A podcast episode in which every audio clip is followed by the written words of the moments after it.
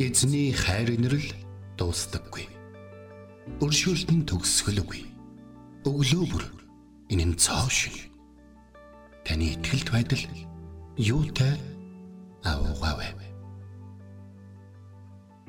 Хермоны шүүдэр өглөөний хөтөлбөр эхэлж байна.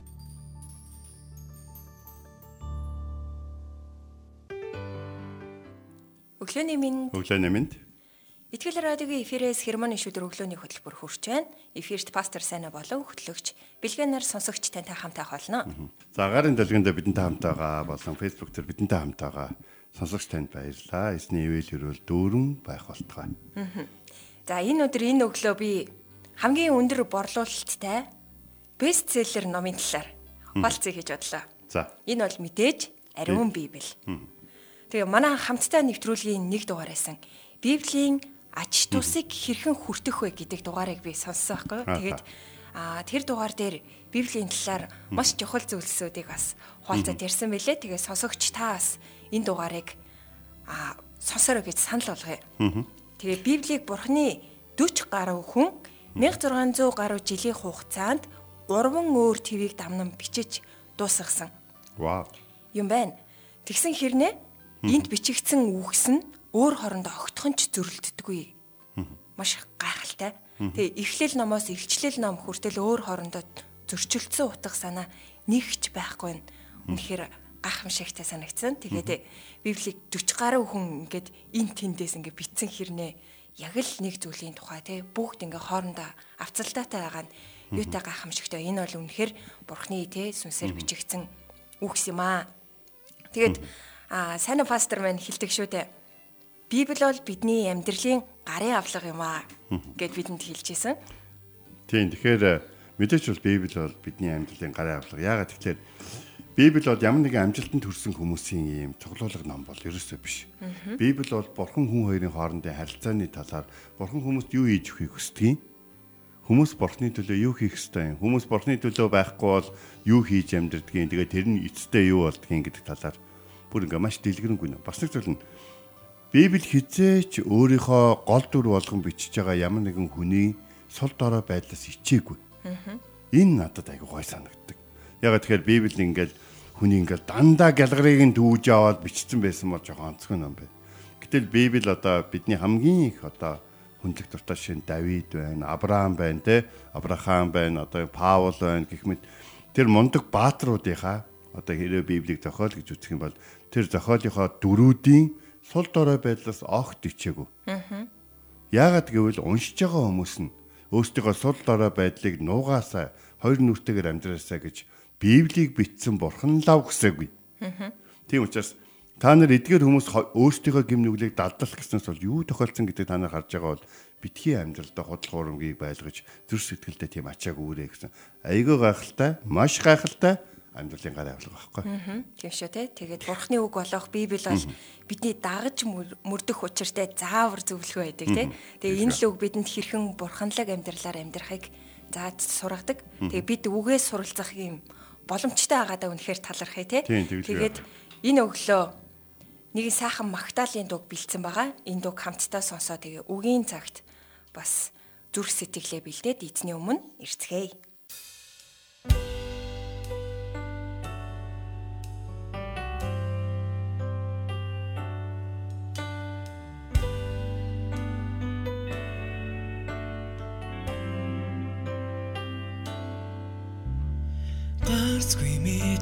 Газар гарах замыг тэр зана харалган байх үед хайрын эзэн замыг зан тэр миний хөтөж твэр чөртөн ойртуулаач өдөр болгон хайрын хүчээр тэр замыг занаа замыг занаа гарцгүй мэд газар гарах замыг тэр занаа харалган байх үед хайрын эзэн замыг зам. Тэр миний хөтөж твэрч өртөн ойртуулаач өдөр болгон харин хүчээр тэр замыг занаа тэр замыг занаа эцгүйхээр газар би байсан ч тэр өдөртнаа Элсэн цөлж гол уурсхийг би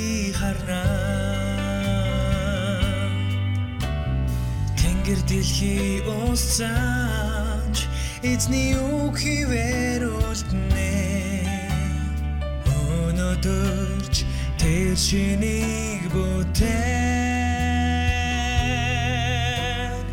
Гарцгүй мэд газар гарах замыг тэр занаа харалган байх үед хайрын эзэн замыг зам тэр миний хөдөөж твэрч өртөн ойртуулаач өдөр болгон хайрын хүчээр тэр замыг занаа тэр замыг занаа эцгүйхээр газар би байсан ч тэр өдөртнаа Дэлсэн цөлж гол уурсхийг би харнаа Тэнгэр дэлхий уусцаач эзний үг хിവэр үлднэ Өнөөдөрч тэр шинийг бүтээн Гарцгүй мэд газар гарах замыг тэр занаа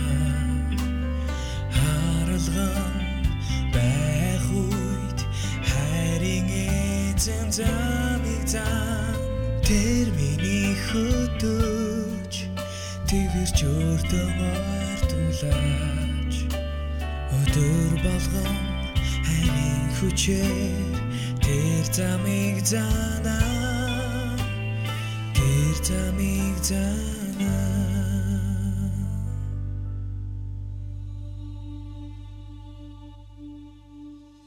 Өглөө бүр хайр инэрлээ надад сонсгооч. Танд л би итгэдэг үлээ. Явах замыг минь надад зааж өгөөч. Танд л би сэтгэлээ өргөн байна. Дуулал 143-ийн 8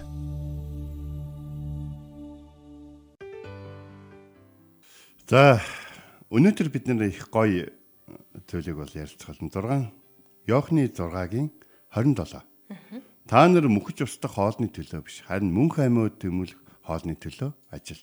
Үүнийг хүнийхөө та нарт өгөх болно. Учир нь түүнийг бурхан эцэг тамгалсан юм а гэж хэлсэн байна. За бурхан эцэг тамгалсан юм а гэж. Надад нөгөө нэг хуучны нөгөө захааг ингээд нөгөө лаа ингээд шингэн тусааж байгаад ингээд тамгалдаг тамга ингээд байдаг байхгүй. Тэгээ маш юм онцгой тохиолдолд ингээд урилгач юм уу эсвэл хин нэгэнд маш гоё урам зориг өгөх хүсэхтэй тэрийг ингээд юугаад ингээд тамгалдаг. Тэгээд тамгалсан гэдэг энэ үг маш чухал үг байхгүй. Энэ тамгалсан гэдэг үг өнөө цаг дээр хэрвээ биднийг харах юм бол мандаттай адилхан. Та хааны газар орох хэрэгтэй байна гэдэг нь маш чухал зүйл байгаа байхгүй. Та тэр газар ямар нэгэн байгууллагыг төлөөлж орох хэрэгтэй, тэнд үг хэлэх хэрэгтэй, тэнд сонгох хэрэгтэй, тэнд ярих хэрэгтэй, тэр газар байсан гэсэн үзүүлэх эрхтэй байна гэдэг нь маш чухал үйл байхгүй. Тэгвэл өнөөдөр эзэн Христ таныг тамгалсан уу гэдгийг танаас асуумаар байгаа байхгүй. Тэгэхээр энэ ад бурхан эцэг тамгалсан юм а гэдэг үгийг Есүс хэлэхдээ юу гэж хэлсэн бэ гэхээр та нар мөхөж устдах хоолны төлөө харин мөнх аймууд өргөх хоолны төлөө ажиллаа гэж хэлсэн. Бид нар юуны төлөө ажиллах хэрэгтэй вэ гэдгийг энд хэлсэн байна. За Христэд итгэгчид хөрөнгө оруулалт а бурхнаас өгөгдсөн зүйлүүдийг барьцан тавих боломжгүй байдаг. За бурхнаас бидэрт юу өгсөн байдаг вэ гэхээр ариун сүнсний авиас бэлгүүд тэр зүйлүүд бол өгөгдсөн байна. Энэ бол барьцан тавьж болдог зүйл биш. Энэ бол үйлчлэхэд зорилго бурханд өөрт нь зориулан үйлчлэхэд болон бурхны хүмүүст үйлчлэхэд зориулагдсан бидэнд өгөгдсөн зүйл. А харин энэ дэлхий дээр хүмүүс нэг нэгэндээ барьцаалдаг зүйл байдаг гэхээр ямар нэгэн хэрэгцээ байдаг. Тэгэхээр би эндээс би та бүхнийг нэг зүйлийг бас ойлгож аваасаа гэж болгож байна. Итгэгчдийн бурхан хамгийн гол оруулсан хөрөнгө оруулалт бол өөрийнх нь хүү Есүс Христ байсан. Өнөөдөр энэ дэлхий дээр хүмүүс олон зүйлийг бүтээж гин, бүтээхдээ дэлхий бурхны бүтээсэн дэлхийг устгаж гин те, оронд нь өөр зүйл бүтээж гин те. Тэгэхээр Гэхдээ нэг зүйл. Харин бурхны хийж гисэн зүйлүүдийг нэгийг ч нэмж хийж чадахгүй. Нэг удаа нэг юм ийм хошинтоо яриануд байдаг ч тэ нэгдэг аахгүй хүмүүс хүн бүхнийг бүтээж чадна гэж. Тийм үү гэдэг чи. Тийм. Хүн дахиад нэг хүн бүтээж чадна. Тийм үү. Тэгвэл бүтээлтэй гэдэг чинь чи. За гэдэг чинь. Харин материалаа надаас авахгүй штэ. Миний бүтээсэн зүйлүүдээс авахгүй шүү гэдэг. Тэгэхээр чи бурхан гадар шороноос хүнийг бүтээсэнтэй хүн бүтээхэд бол ямар нэгэн материал их усүр хэрэгтэй.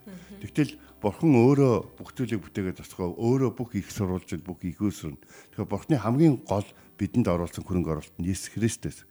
А харин энд ингэж байна. Тиймээс бурхан ажилсаг гарыг өрөөдөг бас газрын үр жимсийг ургуулах асуудыг өөрөө бас хариуцдаг байдаг.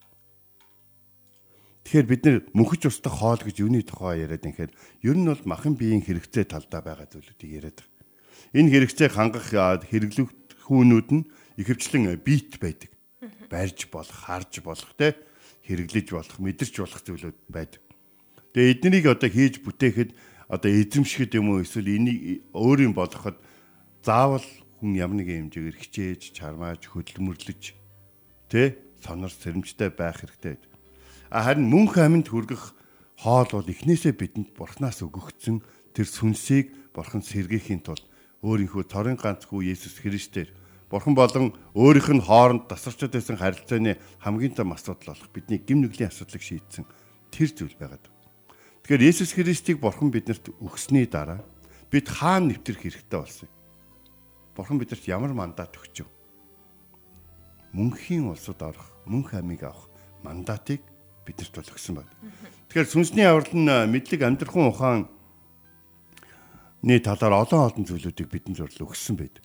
Бид Есүс Христэд итгэхээс өмнө юу гэж боддог байсан бэ гэхлээр бид Есүс Христэд итгэхээс өмнө за хүүхдүүдтэй байр үлдээн. Гурван чи гурван байр үлдээн. Гурван газар үлдээн. Тийм үү? За би энэ бизнесээ одоо юу өвлүүлнэ. За би энийгээ ингэн тэрийгээ ингэн гэж ингэж ингэж боддог гэсэн. Тэгвэл энэ бол мэдээж энэ дэлхийд тэднэрт амьдрахад нь хэрэгтэй боловч тэдний хүн байхад нь бурхантай харилцаатай байхад нь хамгийн гол хэрэгцээтэй зүйл бол сүнсний аврал буюу Тэнгэрийн хаанчлалын талаарх мэдлэг бол байсан. Бурхан Есүс Христийг бидэнд өгөхдөө бидний зөвхөн энэ дэлхий дээр хоололж ундлаад амьдарч амьд алхаж явхад хэрэгцээтэй зүйлийн төлөө бол өгөөг ба хэрхэн Тэнгэрийн улсыг төлөөлөн энэ дэлхий дээр амьдрах вэ? Тэр мандатаар хэрхэн амьдрах вэ гэдэг тэр зүйлийг бидэнд өгсөн байгаа байхгүй. Тэгээс тиймээс мөхөж устдах хоолны төлөө гэдэг чинь юу гэхээр одоо ингээл Библиэлд гардаг ш. Нэгэн баян хүн өөртөө хэлжээ. За би одоо өөртөө хэлнэ. Чи амар ид оо тэ агуулхад бүх юм байна гэж хэлнэ гэж. Тэгсэн чинь яг тэгж хэлсэн чинь бурхан шүнэн зүудэнд нэрээд мунхаг амтан минь ээ. Чи өнөө шин. Би чиний сүнсийг авахд чиний цуглаасан зүйлс чинь чамд ямар хэрэг болох юм бэ гэж бол хэлж байгаа. Тэгэхээр бид нэг ийм зүйлийг энгийнээр ойлгоод авчих хэрэгтэй болж байгаа. Бид өөрсдөө Христ итгэлээ хүүхдүүддээ өвлүүлж гинэ гэж. Тэгвэл бидний өнгөсөн бүх зүйлийг хүүхдүүд маань алдах хэрэгтэй шүү дээ. Тэ? Тэд нэр амьдралдаа алдах хэрэгтэй. Бид нар ч гэсэн өөрсдөө ямар их алдаж ээж өнөөдрийн төвшин рүү ирсэн билээ те. Зарим нь үргэлжлүүлэл алдаа л байна. Тийм байж тэд нар ч гэсэн алдна гэдгийг бид нар ойлгох хэрэгтэй. Тэгтэл тэдний нэг удаа алдах зүйл нь бидний насан туршдаа цуглуулсан тэр нүдэнд харагдаж гарт баригдах зүйлсүүд байвал яах юм? Тэгсэн ч гэсэн бид нар тэдний эцэг эхчүүд хэврээл үлдэн шүү дээ. Би тэг гэж байгаа юм биш. Гэхдээ тэгсэн ч гэсэн бид нар хүүхдүүдээ л сонгоно шүү дээ. Тэгэл дахиад тэдний төлөө дахиад эхлүүлнэ. Тэгэхээр мөнхөж устдах хоолны төлөө амьдралаа хитрхи их тойруулах юм бол мөнх амьд хөргөх хоолны төлөө бид нар амьдрч чадахгүй. Харин мөнх амьд хүргэх тэр хоолны төлөө тэр сүнслэг хоолны төлөө бид амьдрах юм бол бид энэ дэлхий дээр хэдэн ч удаа эхлүүлж чадна. Хэдэн ч удаа нүүсэн хаанч очсон дахин дахин амжилт олж үр хөвгдүүдэд идэх хоолтой өмсөх хувцастай амьдрах ухаантай байлгаж чадна. Энэ бүхнийг бурхан бидэнд хүүхдүүдэд хийж өгөх болно. Харин бидний хийж өгөх ямар ч агуу зүйл бурхны хийж өгөх энгийн зүйлийн хажууд өчүүхэн байх болно гэдгийг л. Учир нь бидний хийж бүтээсэн зүйлийг хин нэгэн дээрэмд нь хулгаална, өрн таран хийн, залдна, залдна. А бурхны хүнд өгсөн зүйлийг хинч булааж авч чадахгүй. Тийм л учраас та нар мөнхөж ёстой хоолны төлөө биш харин мөн хаминд хүргэх хоолны төлөө ажиллаа гэж хэлээд байгаа байхгүй. Тэгэхээр хүнийхүү та нарт өгөх болно. Учир нь түүнийг бурхан тамгалсан юм а гэж хэлсэн. Тэгвэл өнөөдөр таныг бурхан тамгалсан байгаасаа гэж хүсэж байна. Та ингээд хэний ямар харьяатай вэ гэдгийг тамгалагдсан байгаасаа гэж хүсэж байна. Тэгэхээр Есүс асуусан нэг удаа дагалдагчдаас би та нарыг хоолгүй, ундгүй, богцгүй явуулахад та нар юмар дутсан юм уу гэж. Тэгэхэд дагалдагч нь үнэхээр юмар дутааг байсан. Дутаагүй бид нар юугаарч дутаагүй. Хэрвээ үнэхээр борхон эцгээр та нарт хамгалагцсан, хамгалагдах гэдгийн энэ үгийг энгийнээр мандаттай гэж хэрвээ ойлгож чадах юм бол борхон та нарыг ямар нэгэн зүйлээр дутаах амьдрал руу хөтлөж байгаа гэж та нар бодоод байгаа юм биш үсттэй. Бурхан би бэлхэн амьтай байхын тулд байлгахын тулд ирсэн гэж хэлсэн. Би ажиллах гарыг өрөөнө гэж хэлсэн. Бурхан нэмж өгөх болно гэж хэлсэн. Бурхан өгөөмрөөр хайрлах болно гэж хэлсэн. Бурхан хэрэгцээтэй бүхнээр хангах болно гэж хэлсэн. Энийн сүнслэг болон биет байдлаар аль алинаар нь байгаа. Тэгэхээр бид бол яг юу гэж болох хааны газар тусгай хэрэгтэйгээр нэвтрэх үйлчлэгээ авах төлөөлөх тэр эрхийг авсан тэр мандатыг зүвсэн хүмүүс шиг бид Тэнгэрийн хаанчлалын иргэнийхээ хувьд түүний улсад болон энэ дэлхий дээр хүний хүүгийн адил мөн хам өгөхийн төлөө болон бас өөрсдийнхөө гэрчлийн төлөө бид амьдрах бол. Энэ нь маш чухал зүйл байна. Надад Христийн талаар зааж сурж ирсэн пастор Ч Колумбусд явж исэн баг. Тэр нэг подол ингэртэй хармаатай подолкын цамц өмссөн хадуутчихсан шорттой нэг Аз нөхөр явж исэн. Тэгвэл тэр юу гэж гисэн бэ? Би гаднаасаа тэгжил хардаж байсан. Тэгвэл миний ингрийн хармаанд ширхэг нь 3000 доллараар тооцогдох хид хідэн алмаз явж исэн. гэж. Тэгэхээр хүмүүс биднийг ингээд харахтаа өө энэ нэг өмсцэн сандалыг хараач, шортыг хараач, подолкын цамцыг нь хараач гэж тэ энэ подолкын цамцныхын захыг хараач нохон чиг шиг болцсон байна гэж харж болно. Тэгвэл хармаанд нь ширхэг нь 3000-аар тоологдох хид хідэн алмаз байгаа байхгүй. Тэгвэл Паулыг хүмүүс юу гэж хэлдэг гэсэн үг вэ? Паулыг харахад айгүй доожоогүй те айгүй сул дорой битэл байдаг байхгүй гэж хэлсэн боловч Паул өөрийгөө юу гэж хэлсэн вэ? Би яг Эрдэнсийг агуулж яваа шавар савтай л адилхан гэж. Тэгэхээр Паулын тэр Эрдэнэс нь тухайн үеийн те гадрын дундад тэнгисийн эрг дагуу байрлах асар олон хотуудад хүмүүсийн хизээч олж авч чадахгүй баялаг түүний амнаас урсан гарч ирсэн. Учир нь түүнийг эзэн тамгалсан байсан баг. Түүнийг тамгалсан гэдгийг эзэн хамгийн анх Ананай гэдэг нэг хүн хэлсэн байдаг. Ананай чи одоо Саул дээр очиод түүний толгойтой гар тавь залбираад тэр хараа орно гэдэг. Ямар Саул? Иерусалимаас ирж байгаа Саул. Эзэн минь ээ тэр чин Иерусалимд байгаа таны хүүхдүүдийг итгэгчдийг алж хидаад одоо наашаага ирж байгаа шүү дээ. Тийм ээ. Гэтэ би түүнийг сонгож авсан би түн зовлон гэж юу гэдгийг харуулна. Тэр миний нэрийн төлөө харин үндэстнүүдэд миний нэрийг түгээхин төлөө сонгогдсон. Ер нь бол тэр үг нь одоогийн өнөөдрийн бидний ярьж байгаа юм бол тэр бол тамгалагдсан юм а гэж хэлж байна. Тэгэхээр өнөөдөр эзнэр тамгалагдсан мандаттай амьдцгаая гэж хэлмээр байгаа байхгүй. Амен. Хэвлэл мэдээллийн байгууллагад ажиллаж 10 хэдэн жил ажилласны дараа миний өрөөнд байгууллага төлөөлж эн тэнд суусан те нэгэн их мандатууд байна. Тэгээд ингээд тэр мандатуудыг ингээд харж байгаа зарим нь ингээд төрийн хэмжээний айлчлал байхад зарим нэг байгуулгын ойм ч юм уу байна те. Тэр мандатууд дотроос миний хувьд маш их одоо гой санагдаг нэг л мандат байгаад байна. Тэгээ би тэрийг бол хэлээд яг. А харин нэг зүйлийг хэлээд өнөөдрийн үгийг өндөрлөе гэж. Миний дүү Монгол улсын болоод олон улсын хөлбөмбөгийн спортын мастер хүн байдаг. Тэр маш олон медальтай. Нэг удаа өөр медалуудын үлэгдэг байсан одоо тэр юуны ханд үлэгцмээс хадаас нь сугараад унсан гэж боддоо. Гэхдээ тэр 93 онд авсан хүрэл медалнтаа хамгийн хайртай байхгүй. Яагад бол тэр түүнийг яаж тэмцэж авснаа мэдэж байгаа. Харин бид бидний амьдралын тамгууд дотроос Христийн бидний зүрхэн тарьсан там хамгийн үнцэнтэй тамга байх болно. Бидний зүүж явсан мандатууд дотроос би Есүс Христих гэдэг мандат нь хамгийн гайхалтай мандат байх болно. Тийм учраас мөхөж устдах хоолны төлөө биш, мөнх амьд хөтлөх хоолны төлөө ажиллаж амьдрий. Учир нь Бурхан Есүс Христийг тэгж тамгалсан бол Есүс Христийн нэрээр биднийг ч гэсэн одоо энэ цаг үед энэ цаг мөчид тамгалсан юм. Амен. Бурхны хүнд хийж өгсөн зүйлийг хинч устгаж чадахгүй гэдэг гээд сая пастор манаас бидэнд сануулж хэллээ те. Бид бол тамгалагдсан мөхийн усын хаанчлалын иргэд байгаа те. Хүүхдүүд нь. Тэгээд үүнийгээ санааж бид нарыг өөрийн хүүхдүүд болгосон эзэнд алдар магтаалыг энэ цагт өргөё.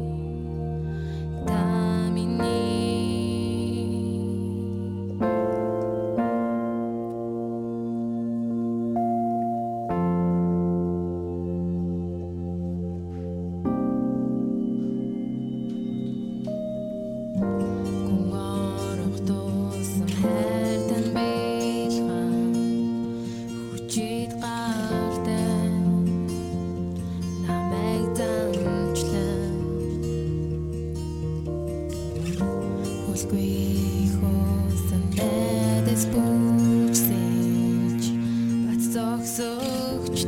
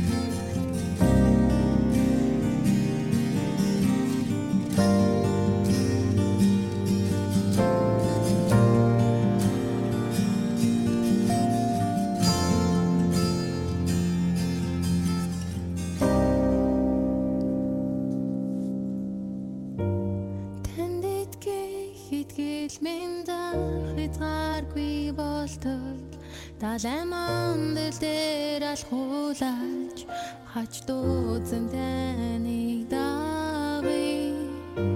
Миний хурж ядамгүй гүн гэрүү дагуулж Итгэлийг минь батчулж өгөөч. Аврагчи хагаараас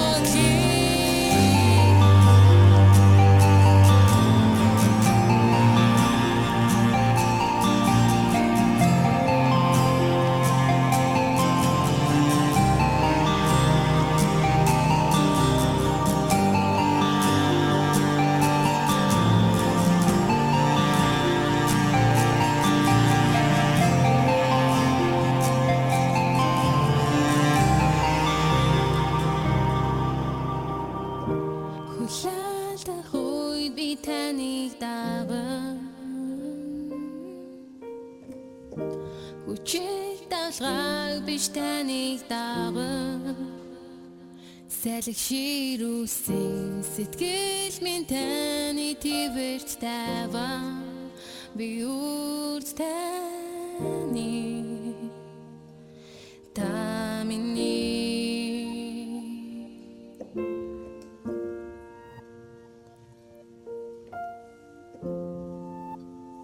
Амен. Өнөөдрийн эзний бидэнд сануулж байгаа үг бол Иохан номын 6 дугаар бүлгийн 27 дугаар ишлэл.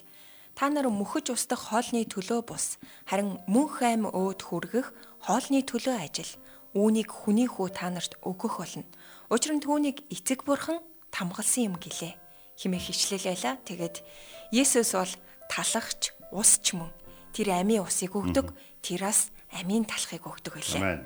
Тэгээд энэ цагт хамтдаа эзэн бурханд бүх зүйлээ даатхан хамтдаа залбирах цагийг гаргацгаая. Орчлын цаг бүтээсэн эзэм танд баярлалаа. Бидний төлөө бүхнийг бэлдсэн их эзэн танд үнэхээр итгэж найзан талархаж байна. Харин бид өөрсдийн олж авсан зүйл болон өөрсдийнхээ хадгалж байгаа зүйлсүүдийг өгөх ёстой хүмүүст нь өгөхгүй, дамжуулах ёстой хүмүүст нь дамжуулахгүй, бас хэрэглэх ёстой цагт нь хэрэглэхгүй, гаргах ёстой цагт нь гаргахгүй байгаа бол та биднийг уучлж өгөөрэй таньд хууч байна хизээ нэгэн цагт хүнд ч хэрэггүй болж магадгүй. Эсвэл хин нэг нь булаагаад авч магадгүй зүйлийн төлөө биш. Харин хизээч хин ч надаас булааж авч чадахгүй. Тэр байтугай миний ам өнгөрсөн амьдралын бүхий л алдаа онааг мэддэг муу нэгэн хүртэл надаас булааж авч чадахгүй. Таны тамгалсан таны ариун сүнсээр дамжуулан өгөгдсөн таны мөнх амийн төлөө тань талархж байна. Бид мөнх амийн үүд тэмүүлэх хоолны төлөө, сүнслэг хоолны төлөө, сүнслэг бэлэг авьяасын төлөө, үйлчлэх боломжийн төлөө, өвлүүлэх сүнслэг өв хөрөнгийн төлөө ажиллаж амьдрахыг хүсэж байна. Бид бол Тэнгэрийн хаанчлалын иргэд. Тийм учраас ямар ч төрийн үед Тэнгэрийн хаанчлалын иргэдийнхээ хувьд эзэн таныг төлөөлөн амьдрахад туслаарай. Есүс таамаснараа өдөр бүр бидэнтэй хамтаагаарай. Бурхан эцэг минь тань талархан таны гайхалтай хүү Есүс Христийн нэрээр залбирэн талархаж байна. Амен. Энд хүрээд Хермоны шүдэр өглөөний хөтөлбөр өндөрлөж байна. Бидэнтэй хамт байсан сонсогч танд баярлалаа. Амралтын өдрөө ая тухтай өнгөрүүлээрэ. Эзэн таныг харж хандах болтугай. Эзэн зүрхийг чинь бурхны хайр ба Христийн төвчөрт чиглүүлэх болтугай. Хермоны шүдэр өглөөний хөтөлбөр танд хүрэлээ.